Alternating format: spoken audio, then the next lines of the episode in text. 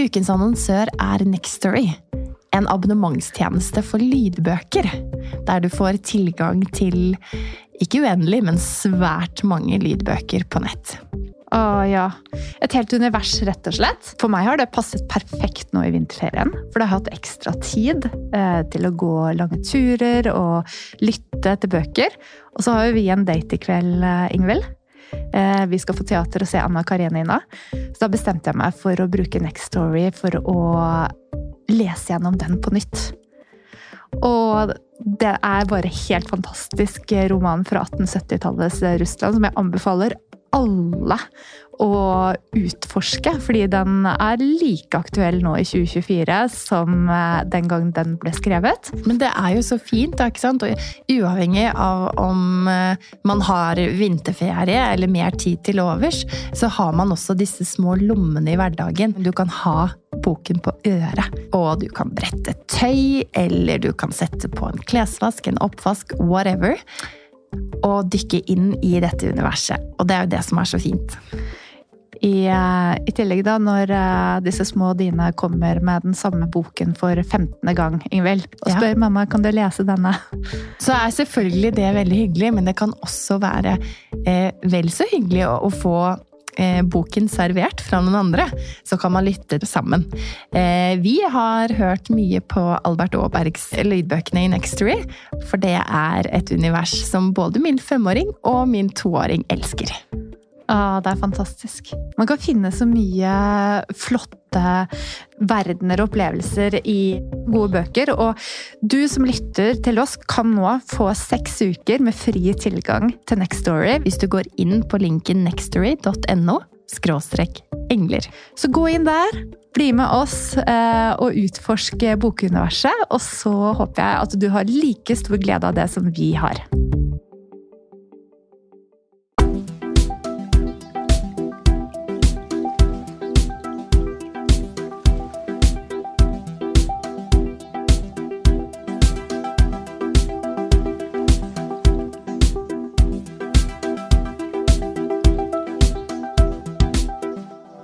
Velkommen til Engler og hormoner. Inspirasjon og ny kunnskap om helse, selvutvikling og livsstil.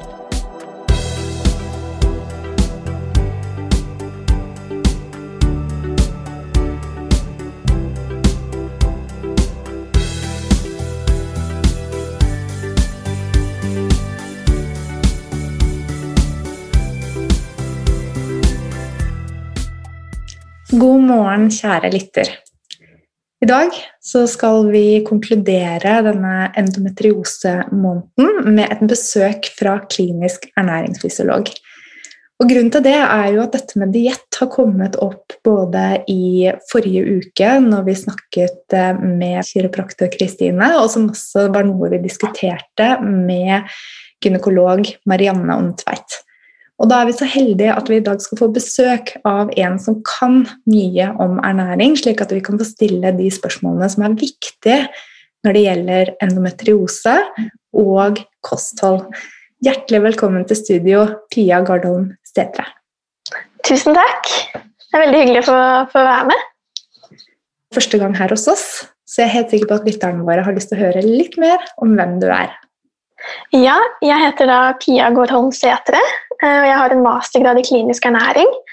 Og så jobber jeg til daglig med ernæringsveiledning på Klinikkforholdet på Majorstuen i Oslo. Og der er vi kjære kollegaer. Men i dag yes. så skal vi um, eh, gå inn på et område som vi faktisk ikke har snakket om før på klinikken, så vi er veldig spent på å høre hva dine erfaringer og tanker rundt kosthold for de som har endometriose, er. Ja, og der er det jo i utgangspunktet både mye å ta tak i og lite å ta tak i. Eh, fordi at man har egentlig ikke noen faste retningslinjer eh, for kosthold når det kommer til endometriose. Um, men det forskes mer og mer på det, fordi man ser at det er ganske mange kvinner som har positiv effekt av å gjøre kostholdsendringer når man har denne tilstanden. Så Så på en side så kan vi egentlig ikke anbefale noe generelt sett, men vi ser likevel at det er en del ting som kan ha en positiv effekt. Og det er jo litt spennende, da. Så i dag så skal vi snakke pga. tanker og erfaringer, ikke nødvendigvis på bakgrunn av tunge studier? Ja, det blir heller lette studier, kan man si. Og litt sånn studier i tidlig, tidlig stadie.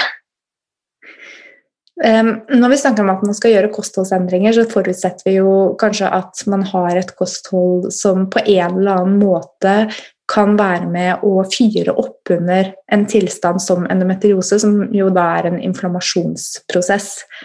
Eh, en pasient som da kommer eh, til deg, Pia, eh, og stiller spørsmålet hva kan jeg gjøre med min diett for å hjelpe på min kroniske tilstand, hva er startpunktet der når man møter en profesjonell som deg? Startpunktet er alltid at man må gjøre en del kartlegging først. og Deriblant er det også veldig viktig å se på hvilke plager man har i utgangspunktet. Um, og også kartlegge selvfølgelig det kostholdet man har som grunnlag. Um, og det er, ganske, altså det er alltid et utgangspunkt når man skal gjøre endringer, er å se hvordan det ser ut fra før av. For det er ikke alt som vil være helt relevant. Uh, og det vil også være veldig basert på hvilke, hvilke plager man har. da. For ved en tilstand som endometriose så er det jo varierende uh, hvilke plager man faktisk har problemer med. Og når det kommer til kosthold, når vi snakker om endometriose, så handler det hovedsakelig om å redusere plagene. Vi får ikke kurert tilstanden ved å gjøre kostholdsendringer, men vi kan bidra i ganske stor grad med at man får det bedre. Eh, og da er det viktig å vite hva det du egentlig plages av. Sant? Og um, hvis du kan få utdype litt der, da, Pia. Uh, på denne typiske pasienten, er det noen kjerneområder som du kanskje vil se litt ekstra på når det gjelder uh, valg innenfor kostholdet og typiske ting som kan forbedres for den enkelte? Ja, og der er det, det er flere veier å gå. sant? Um, på den ene siden så nevnte du dette med inflammasjon. At det er en ganske stor grad av sykdomsbilder for de kvinnene som har endometriose. Og det som er blitt veldig populært, er jo det å ha et antiinflamatorisk kosthold. Hvor man da rett og slett prøver å spise matvarer som kan bidra til å redusere betennelse i kroppen. Og da har vi noen næringsstoffer som vi vet kan ha en veldig positiv effekt på betennelse og inflammasjon. Og det er bl.a. antioksidanter og omega-3. Og så har vi på den andre siden så har vi også noen matvarer som vi kaller for proinflamatoriske. Som altså kan øke betennelsesgraden i kroppen. Um, og da prøver man å se på hvordan kosthold er basert på dette. da. Har du noen eksempler ja. på matvarer som inngår i det proinflamatoriske? Ja. Proinflamatorisk mat det er typisk eh, rødt kjøtt, prosessert og bearbeidet mat med sånn typisk med sånn langtidsholdbarhet. Det er frityrstekt mat, det er potetgull og godteri og sjokolade og kaker. Og mat som generelt sett inneholder mye mettet fett, transfett, tilsatt sukker og også disse lyse eller fine karbohydratene. Så disse matvarene de ser vi kan øke betennelsesgraden i kroppen. Og det er jo typisk den maten som folk flest kanskje anser som usunn fra før av. Og så har vi den på andre siden, da, denne antiinflamatoriske maten som kan bidra til å senke betennelse. Og det er typisk frukt og grønnsaker og bær og fullkorn og belgvekster, potet, eh, sjømat og fisk, sunne planteoljer som olivenolje og rapsolje. Og den maten som vi egentlig anser som sunn mat. da. Ja. Det trenger ikke være så veldig mye mer kall det avansert enn det. Det er ikke sånn at du må ta eh, så og så mye tilskudd med kurkumin hver dag for å kurere en eh, inflammasjonsprosess som foregår i kroppen.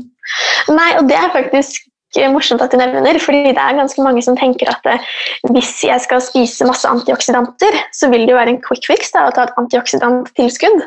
Da kan man ta, bare ta en kapsel, og så kanskje man får i seg dobbelt så mye antioksidanter som man ville gjort ved å spise frukt og grønnsaker. Men eh, der er det faktisk ganske stort sprik i forskningen, og det kan i noen tilfeller se ut som at det kan ha en negativ effekt å ta disse tilskuddene. Um, og i et tilskudd så har du gjerne isolert det ene næringsstoffet, Så da vil du ikke få det positive samspillet mellom de næringsstoffene som finnes i en matvare. Så, så, det er viktig at man har det sunne kostholdet i bunn. Og det som, det som også er, er at når man sammenligner et antiinflamatorisk kosthold med andre kostholdsformer vi har å sammenligne med, så er det veldig likt eh, de norske kostrådene. Så hvis man, hvis man, sammenligner det, så ser man egentlig at eh, alle mennesker er anbefalt å spise antiinflamatorisk. Mm. Mm.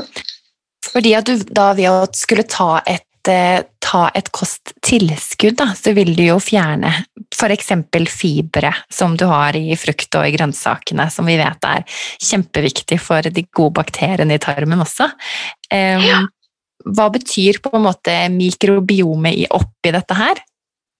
Og Det er et, et utrolig godt spørsmål, fordi det er jo et område vi ikke vet så veldig mye om. Jeg skrev faktisk masteroppgaven min om, eh, om mikrobiota. Og det som er man, man, altså Det snakkes veldig mye om det, det er veldig trendy med mikrobiota og kosthold og i forbindelse med alle tilstander i kroppen. sånn egentlig. Men, eh, og vi ser at det er viktig å ta vare på tarmbakteriene våre og ha et stort mangfold av tarmbakterier. Og da vil jo fiber være ekstremt viktig, fordi det er mat til tarmbakteriene våre. Men det er vanskelig for oss å si noe helt konkret eh, av effektene på ulike tilstander. Da. Det er det. Men som du sier, du fjerner fiber i et tilskudd. Du fjerner også fytokjemikalier, og du fjerner en del vitaminer og mineraler.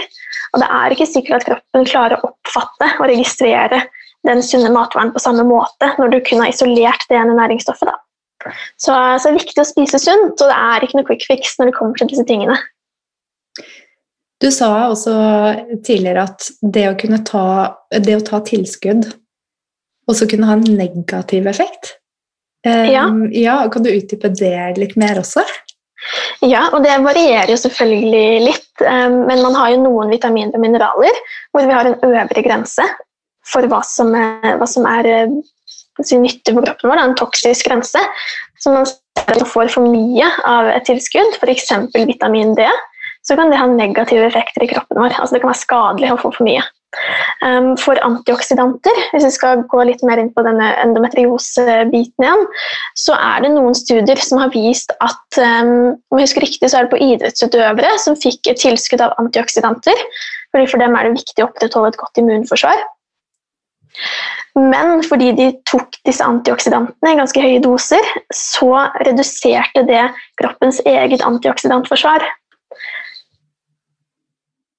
Og det betyr og Det betyr at, eh, at, det ikke hadde den gunstige effekten som man hadde ønsket da, ved å spise antioksidanter, som skal da styrke immunforsvaret. Så førte det da til et svakere immunforsvar isteden. Hmm.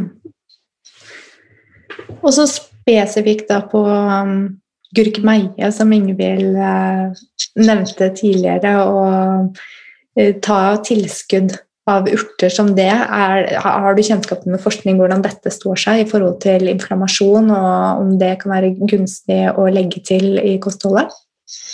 Eh, ja, og altså, det som er, er at det trenger ikke ha, nødvendigvis ha negativ effekt. Det er en del ting som man kan ta uten at det er noe problematisk, men det betyr heller ikke at det har en gunstig effekt. Og gurkemeie er en av disse eh, som man egentlig ikke har noe grunnlag for å si har, har eh, en helseeffekt. Men det vil heller ikke være noe farlig å ta det. Men um, det som er svakheten, er at det kan koste mye penger. Så det er en unødvendig økonomisk byrde for mange mennesker. Og også det at man noen ganger kan være så overbevist over en effekt at eh, det tar fokuset bort fra det som faktisk fungerer. Og det er også en risiko når vi snakker om ernæring, er det at eh, man kan bli så overbevist om kanskje en matvare eller en diett eller en kultur at man glemmer de helt grunnleggende prinsippene som er viktige for den sykdommen man har. Mm. Det er jo noe som man ofte kan se i praksis, er jo at man, eh, når man skal gå inn i kosthold og føle at man endrer på noe og tilfører noe som er helt spesielt, så kan det også føles for mange vanskelig å implementere i hverdagen, men også at det er en høy terskel for folk å ha suksess eh, med å bruke ernæring som medisin. Mm. Um, hvordan kan vi ja, komme inn for å gjøre dette enkelt for pasienten? Ja, da tenker du hvordan det, man skal gjøre det enkelt og klare å gjennomføre de kostholdsendringene. Mm. Nei, det er noe som man er det er nesten det viktigste vil jeg si, når man jobber med ernæringsveiledning, er at alt man gjør, skal være gjennomførbart. Så man starter gjerne med eh, små endringer basert på det kostholdet som ligger til grunn. Og snakker og har en dialog med pasienten om hva, hva føler du om dette hvis vi gjør disse endringene. Er det noe du er motivert for? Er det noe du føler at du kan klare å gjennomføre? Og hvis svaret er nei, så må man prøve å finne Altså møtes på midten, da. Kan vi starte et sted for at det skal bli litt enklere, og så kan vi med tiden bygge på det. Sånn at du kanskje til slutt klarer å få si, et antiinflamatorisk kosthold. Da. Og det er ikke så veldig lett, for hvis man eh, aldri har spist en eneste grønnsak i sitt liv, så er det, det føles helt umulig å skulle få inn da, minst fem om dagen, og kanskje enda mer enn det. Så kanskje man kan starte med en halv grønnsak, da, for at det skal være mulig å få litt mestringsfølelse. Mm. Ja, for mestringsfølelsen som du nevner, den er jo ganske vesentlig når det er snakk om eh, langvarige smerter, eh, og man har havnet inn i et visst mønster også ernæringsmessig. Mm. Og det er, ser man eh, veldig mye med endometriose, er jo det at veldig mange iverksetter kostholdsendringer basert på kanskje andres erfaringer. Og det har en del svakheter ved at man, man det kan bli mye stress, selvfølgelig, og at man får dårlig selvfølelse fordi man ikke klarer å gjøre det på riktig måte. Og så er det også, også andre aspekter ved det, hvor, eh, hvor man ser at um, man kutter ut for mange matvarer, kanskje.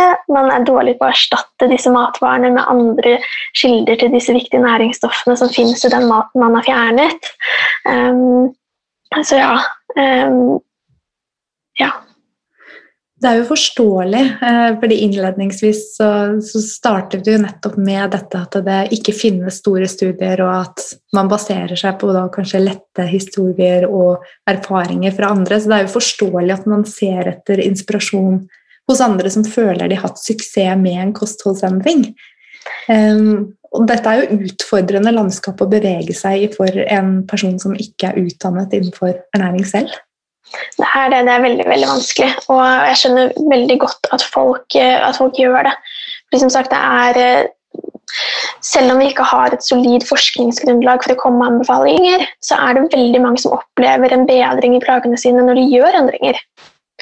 Så vi vet jo at kosthold kan spille en rolle, men vi vet ikke helt hva i kostholdet eller i hvilke mengder som er, som er viktig for at eh, folk flest skal kunne oppnå en god, en god effekt av det. Uten at det selvfølgelig da skal gå på bekostning av eh, inntak av viktige vitaminer og mineraler. Mm. Nå kan jo være at mange av oss faktisk har en god helseeffekt av å ta en titt på det anbefalte norske modellen for kosthold, fordi det er sikkert veldig mange av oss som eh, sluntrer unna litt på enkelte områder. Eh, men jeg blir jo nysgjerrig på, på dette med enkeltmatvarer igjen, eh, og om det finnes noen studier som viser at f.eks. antioksidanter eller omega-3 er mer eller mindre gunstig for å påvirke inflammasjonsprosessen. Det, hvis man skal velge én eh, ting, hva, hva, er det som er det viktigste å gjøre en endring på? Ja, og Det er jo selvfølgelig også derfor vi tar utgangspunkt i hvordan folk spiser fra før av. Eh, fordi at Det er ikke nødvendigvis én enkelt ting som er det beste. Um, men hvis man skulle prøvd å si en litt sånn grunnleggende strategi, så er det å spise variert er helt overordnet. Selv om du spiser brokkoli hver eneste dag eh, og til alle måltider, så vil ikke det gjøre at du får i deg alt du trenger. Som, det, du kan da, selv om brokkoli er sunt, utvikle mangeltilstander. Så variasjon er alfa og omega. Men eh, når det kommer til inflammasjon helt konkret, så er det da antioksidanter og omega-3, som vi vet er helt spesielt. Og omega-3 det finner vi bl.a. i fet fisk, og vi finner det i valnøtter og vi finner det i linfrø. Og så har vi antioksidanter, som er typisk my mye av i frukt og bær og grønnsaker. Mm. Ref det du sa i sted, Pia, om å ta utgangspunkt i, eh, i det kostholdet man allerede har, så må man kanskje ta andre hensyn også. For eh, sammen med en endometriose eller en adenomyose, så vil det jo um, kanskje være andre utfordringer knyttet til, eh, til tarm, tarmsystemet vårt. Da. Eh, F.eks. IBS. Ja, og det er, det er jo et av de eh, områdene som jeg syns er mest spennende um, når det kommer til endometriose. Jeg visste egentlig nesten ikke hva endometriose var før jeg eh, tok et sånt etterutdanningskurs innen irritabel tarm og IBS.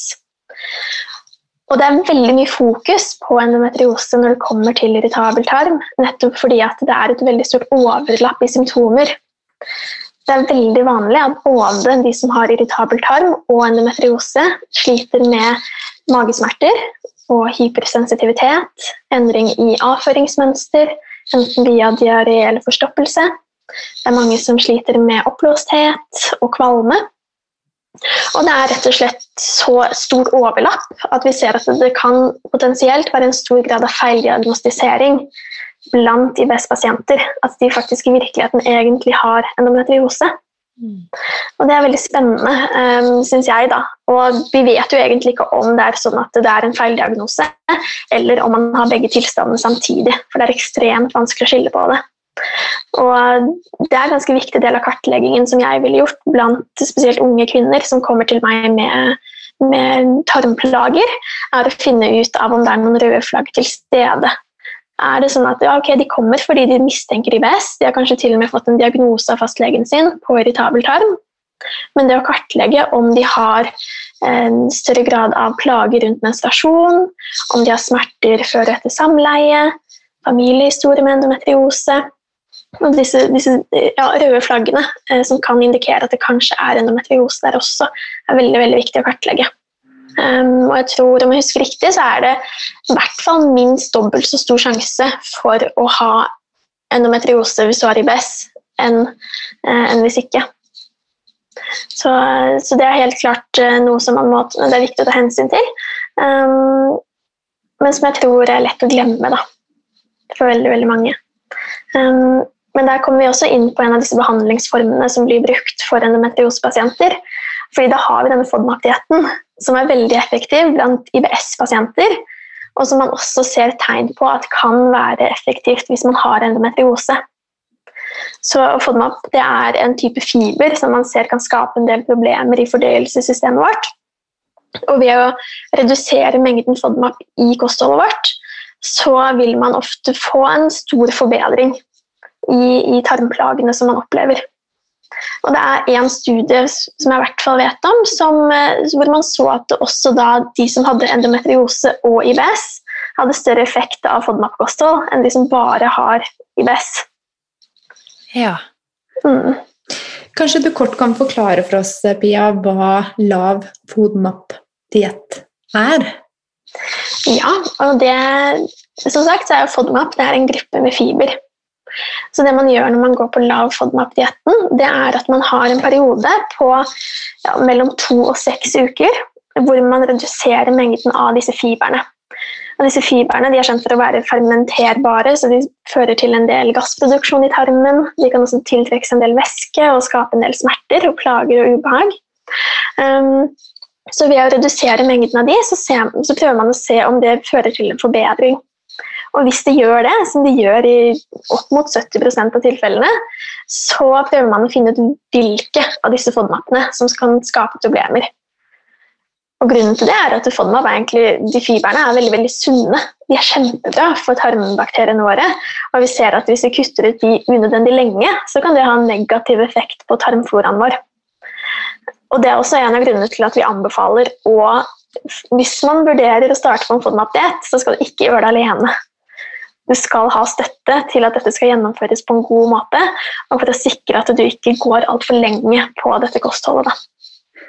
Så da vil man først kutte alle, og så vil man kanskje da prøve å reintrodusere i ulike bolker de ulike, slik at man ikke ender opp med å ha fjernet alle, men at man kan få tilbake noen av disse som er så viktige for oss i kostholdet. Stemmer. Så da blir det en ja, reintroduksjonsfase, som vi kaller det, eh, hvor man tester én og én FODMAP hver for seg i ulike mengder. Og så prøver man å se hvor toleransen ligger for hver og en, før man helt til slutt reintroduserer de tilbake i kostholdet. Mm. Mm. Dette er jo veldig krevende, så, så, jeg skjønner godt at du anbefaler at man skal ha noen til å støtte seg. For det å, å gjøre et såpass inngrep i kostholdet, det kan være utfordrende for enkeltpersoner å gjennomføre på egen hånd. Og bare få oversikt over all den eh, kunnskapen som ligger bak å gjøre dette riktig. Da. Mm. mm. Helt klart, Og det er sunn mat. Så det er det som er vanskelig for folk flest. er at det er jo det er noe av det sunneste vi kan spise, som inneholder mange av disse FODMAP-ene. Mm. Og så fins det i så utrolig mange forskjellige typer matvarer. Og vi bruker bl.a. løk og hvitløk som tilsetningsstoff og smakforsterker i nesten alt. sant? Mm. Så det kan være veldig veldig forvirrende å sette i gang en sånn prosess helt på egen hånd.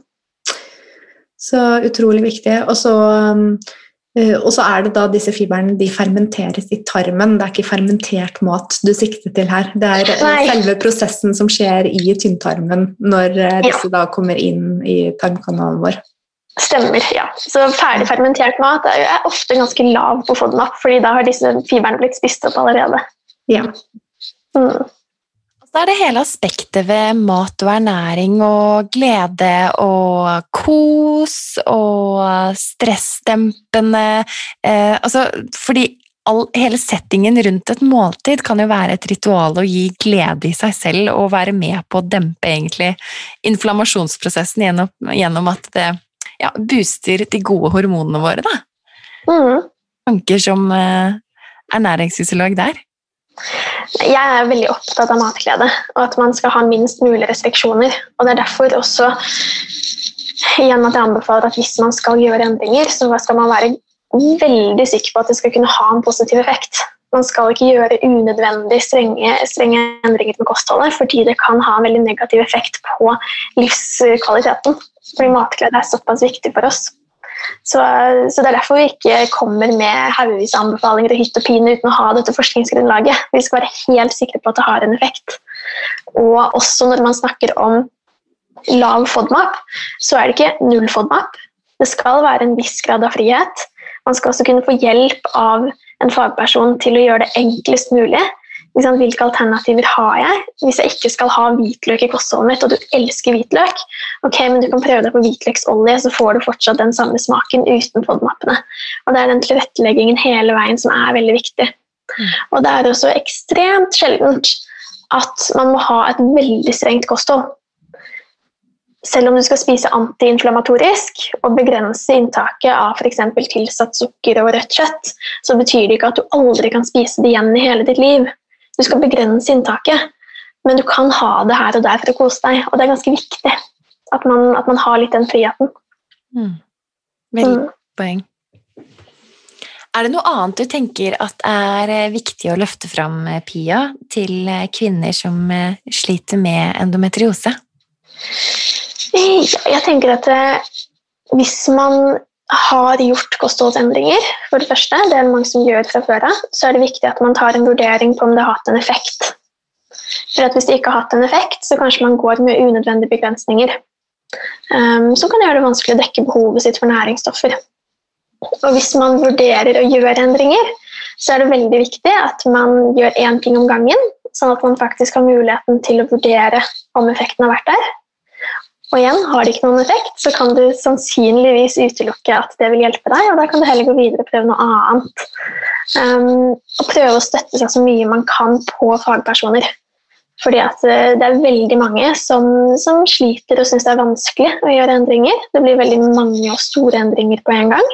Som igjen da fører til redusert livskvalitet og mye unødvendig stress og eh, dårlig selvtillit fordi man ikke klarer å gjøre noe og gjennomføre kostholdsendringer. Og ja, rett og slett være litt snill mot seg selv også, da. Mm. Kan du si noe om tidsperspektivet her, Pia? Fordi mm, Si at man gjør en endring, da, og så skal vurdere om det har en effekt. Um, og man har fulgt ditt råd nå og introdusert mer antioksidanter og omega-3 og kuttet ned på transfett og uh, disse andre produktene. Um, hvor lang tid bør det gå når man skal gjøre en vurdering på om en kostholdsendring har effekt? Det er litt varierende. Når det kommer til denne FODMAP-dietten, så har vi et tidsrom på to til seks uker. Og, det, og da, det, skal være nok til å vurdere om det har hatt en effekt. hvis man skal spise mer antiinflamatorisk, så vil det selvfølgelig også være avhengig av hvordan kostholdet ser ut fra før av, hvor stor effekt det kan ha. Men jeg ville gitt det i hvert fall noen måneder før jeg ville sagt om det hadde fungert eller ikke. Det ville jeg gjort. Um, men igjen, det kommer, veldig, det kommer, an på veldig mange ting. Mm. Um, en annen ting med endometriose er f.eks. at hvis man har veldig kraftige menstruasjonsblødninger, så kan man jo ta, tape mye jern sant? og være i risiko for anemi. Så det å da spise mer jernrik mat vil jo fort kunne ha eh, en effekt på hvordan energinivåene er. Da. Så det er uh, ja, mange ting som kan påvirke. Mm. Og da ikke jern fra rødt kjøtt? Ja, det spørs litt, da. Der må man prioritere. Som sagt, Man skal ikke gjøre absolutt alt på en gang. Og hvis man har påvist anemi, så er det viktigere å dekke behovet sitt for jern vil jeg si, enn at man nødvendigvis skal spise 100% antiinflammatorisk. Man kan fortsatt spise mye grønnsaker, og frukt, og bær og nøtter og fullkorn og ha litt rødt kjøtt. Men selvfølgelig veldig bra hvis man kan dekke behovet sitt via andre jernkilder. Mm. Det er veldig fint å ha deg her, Pia. Jeg, jeg, føler selv at veldig mange ganger så kan man gjøre kosthold unødvendig komplisert. Mm. Uh, og på bakgrunn av det gjøre valg som gjør det komplisert for kroppen vår. Mm. Uten, at, uh, uten, at, det egentlig har den uh, At vi har de enkle, kjappe løsningene som vi søker etter, da, men at vi glemmer å se på helheten. Mm, og det, det, er veldig veldig vanlig, og de fleste tror at det er veldig vanskelig. Men når alt kommer til alt, så er altså, de norske kostrådene et veldig godt utgangspunkt. De er anbefalt uh, som de står for å forebygge sykdom, og fordi det er det som dekker behovet vårt for næringsstoffer. Og så er det kanskje at hvis man har en sykdomstilstand fra før, så må man gjøre noen endringer. Men, uh, men det er et veldig godt utgangspunkt, og det er ikke så veldig vanskelig hvis man, hvis man hvis man gjør det på riktig måte. Mm. Mm. Tusen hjertelig takk for at eh, du tok deg tiden til å dele av din eh, kunnskap, Pia. Ikke noe problem. Det er bare kjempegøy å snakke om. har, du en, har, du en, Instagram eller noen plattformer hvor uh, lytterne våre kan nå deg hvis de er interessert i å få veiledning fra deg? Ja, jeg har en Instagram som heter Pia Sajetra Ernæring. Hvor man eh, kan gjerne sende meg en melding hvis man, eh, hvis man har noe man lurer på. Ja, tusen takk, Pia. Vi vet jo av erfaring at hver gang vi snakker om kosthold i poden, da blir det engasjement. Så hvis du kanskje har lyst til å være med og svare på noen spørsmål om ernæring eh, nå på tampen av uken, så hadde vi blitt veldig glad for det. Så kan vi ja, ja, møtes på Instagram. Ja, selvfølgelig. Jeg tenker at det er jeg vet at det er en del myter og ting og enkeltnæringsstoffer som mange, mange er opptatt av når det kommer til endometriose også. Eh, så helt klart. Det er bare veldig gøy. Herlig. Så mm. lytter, da finner du oss på Instagram, og så finner du Pia der også. Vi legger ved en link i episodebeskrivelsen. Tusen takk for nå, Pia. Ja, tusen takk. Vi høres. Ha det. Ha det bra.